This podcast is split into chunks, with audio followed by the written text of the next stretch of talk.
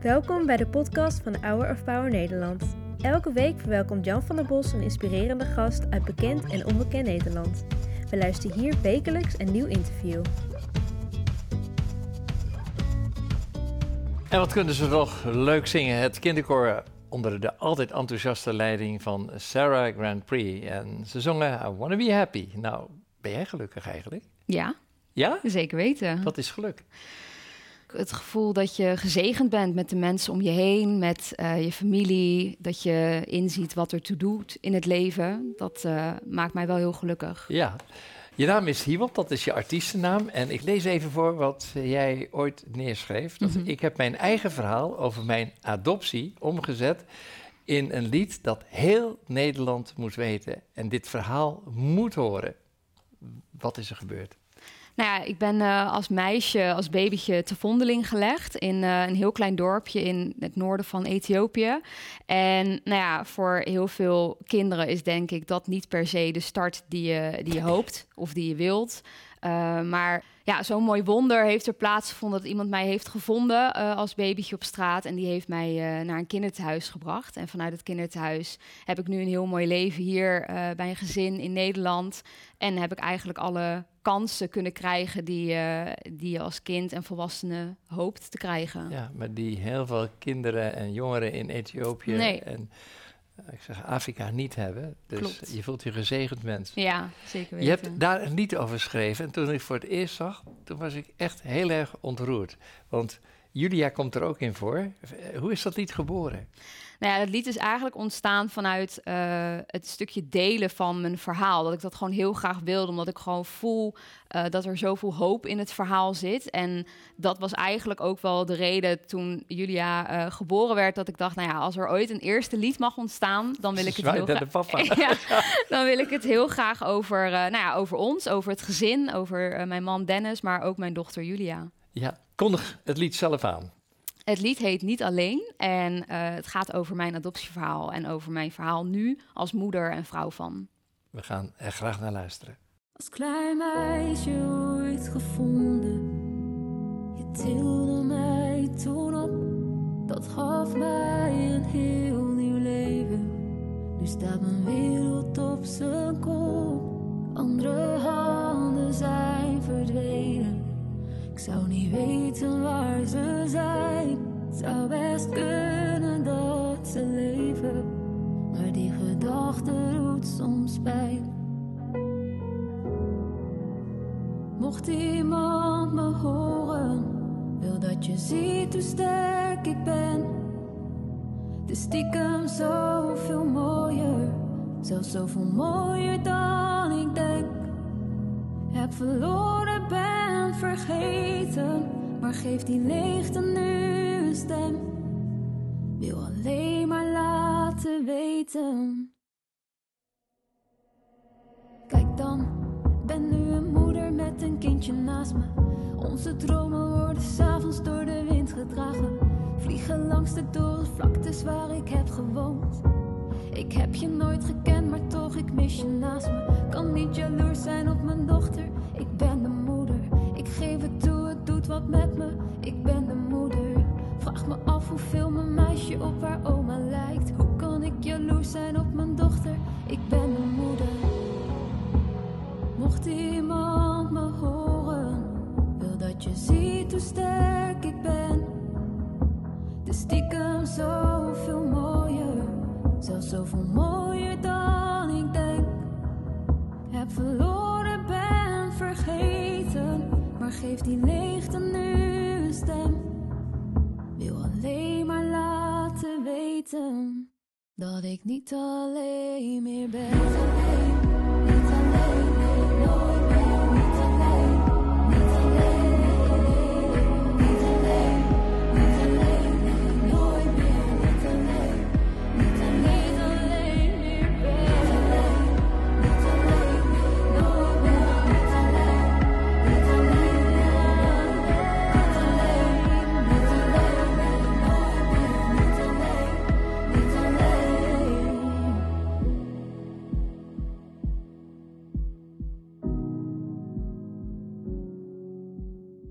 is een, een prachtig en doorleefd eh, lied, wat, wat ook raakt en ontroert. Je hebt hele lange tijd geworsteld met wie ben ik nou? Waar Ja. hoor ik nou? Nou ja, dat is eigenlijk, ik denk dat het nog steeds een proces is wat loopt. Dus ik, ik ben er nog niet, eh, ja, hoe, hoe kan je dat zeggen? Identiteit is natuurlijk zo'n enorm onderwerp en het is zo groot iets, wat denk ik je hele leven lang eh, ja, met je mee zal gaan, wat ontwikkelt. Dus uiteindelijk toen ik tot geloof kwam, is er een heel mooi deel, i- een stuk identiteit in, in- heb ik in God kunnen vinden. Maar eh, er zijn nog steeds ups en downs. En zeker nu ik zelf ook moeder ben geworden, eh, komen er weer hele andere situaties om de hoek kijken. Maar heb ik wel het gevoel dat ik steeds sterker in mijn identiteit kom te staan. Ja. Wat, wat zijn de downs?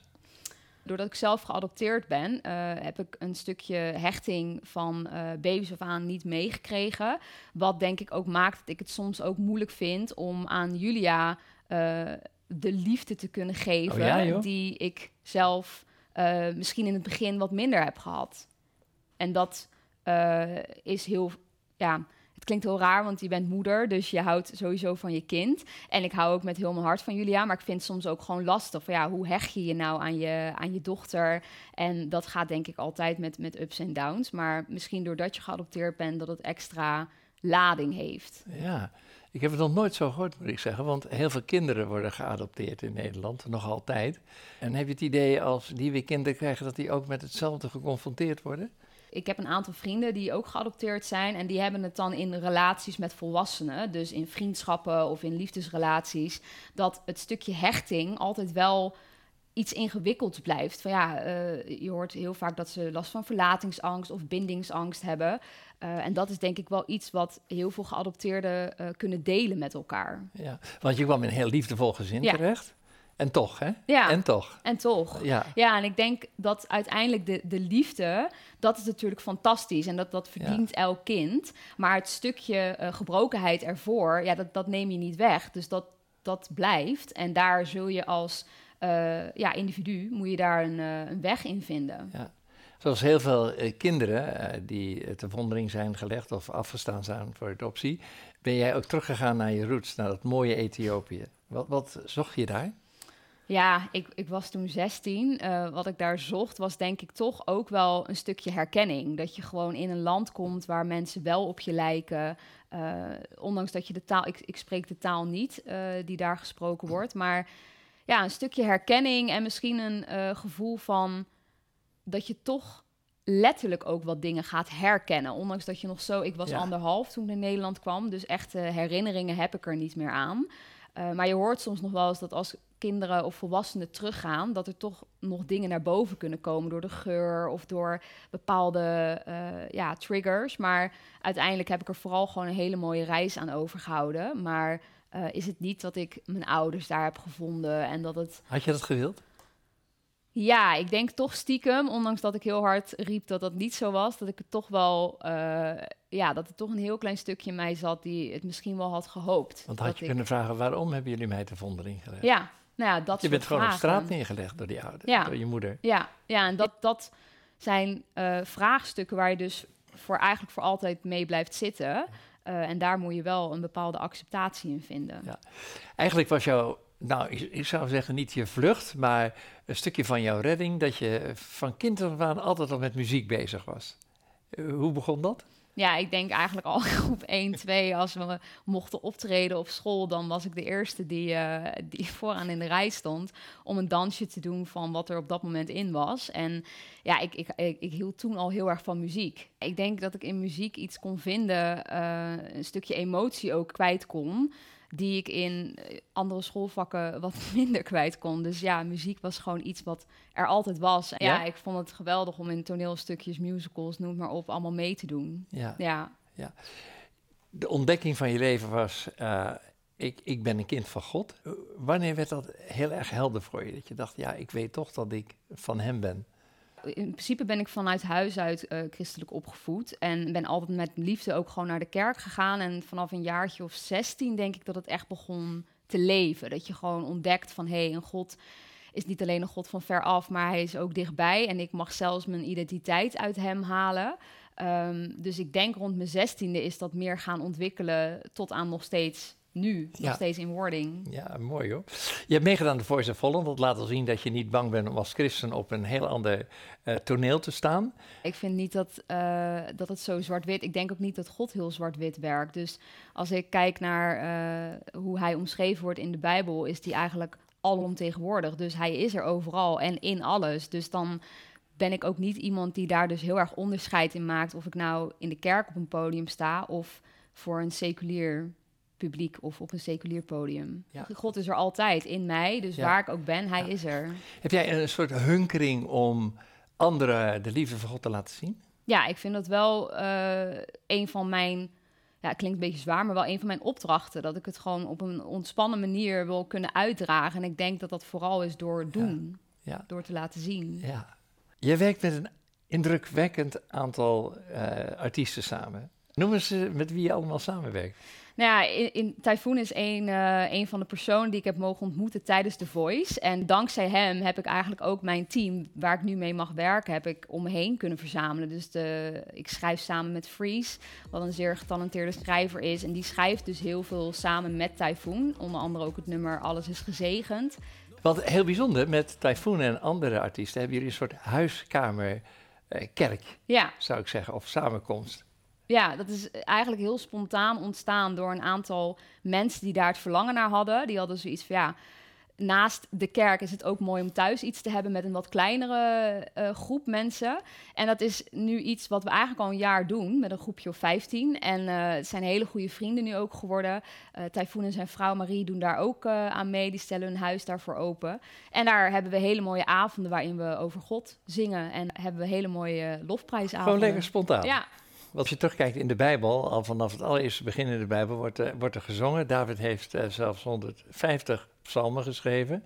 Als je naar de Bijbel kijkt en, en muziek, ja, ik denk dat dat eh, de fijnste combinatie is die er is. Dus dat David inderdaad zijn gedachten, maar ook zijn struggles heeft opgeschreven. En dat daar uiteindelijk liederen door zijn ontstaan, die dus nu nog steeds gezongen worden. Vind ik wel heel bijzonder te noemen. En dat mogen wij, denk ik, als artiesten, als je die gave hebt, kan je dat ook gewoon Ja. gaan doen. Ja, ja want eh, dat vind ik het mooie van David. De ene keer zit hij boven op de berg en dan looft God, looft zijn naam al om en alles is prachtig. En de volgende keer zegt hij, oh God, uit diepte van ellende, weet je wel. Ja, ja, het zit eigenlijk in, in bijna alle eh, genres zit dat wel. En daarom vind ik het ook zo fijn dat David niet alleen maar zingt over hele happy dingen, maar ook gewoon over wat hem pijn heeft gedaan, waar hij mee, waar die mee zat. Want daar kunnen we denk ik als mens ons ook aan spiegelen. Ja, heb je een bijbeltekst waarvan je zegt, nou, dat helpt me soms wel eens de dag door. Ja, ik denk toch dat eh, in Matthäus 22 staat dat. En dat gaat over dat op een gegeven moment de fariseer vraagt aan eh, Jezus... van nou, wat, zijn, wat is dan het belangrijkste gebod? En dat dan Jezus daarop antwoordt van... eh, heb de Heere God lief met heel uw hart, ziel en verstand. En heb uw naaste lief als uzelf. En ik denk dat die twee regels, of die twee leefregels... voor mij mijn houvast zijn. Ik denk, ja, op het moment dat we allemaal weer vingers gaan wijzen als christenen, want daar zijn, ben ik soms erg goed in, eh, is het fijn wanneer ik weer terug ga naar die twee regels, want daar draait het uiteindelijk om. Dat je, dat je God lief hebt en die liefde weer uitdeelt aan anderen. Ja. Ook ik ben niet perfect, dus eh, ik maak daarin fouten.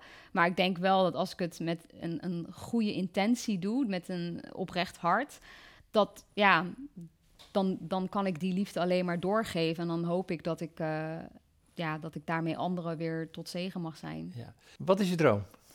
Ja, mijn droom is dat ik uiteindelijk eh, heel veel muziek kan gaan uitbrengen die eh, voor mensen een stukje hoop en liefde mag geven, maar ook plezier. Dus ook de luchtigheid en de, de, de fun die we met elkaar ook gewoon nodig hebben. En daarmee eh, heel veel mensen mag gaan bereiken. Mooi. Lieve Hiewald, je bent geliefd. Dank je wel voor je mooie verhaal, voor je enthousiasme. Van een vondeling tot iemand die voluit over haar geloof zingt en op welk podium dan ook.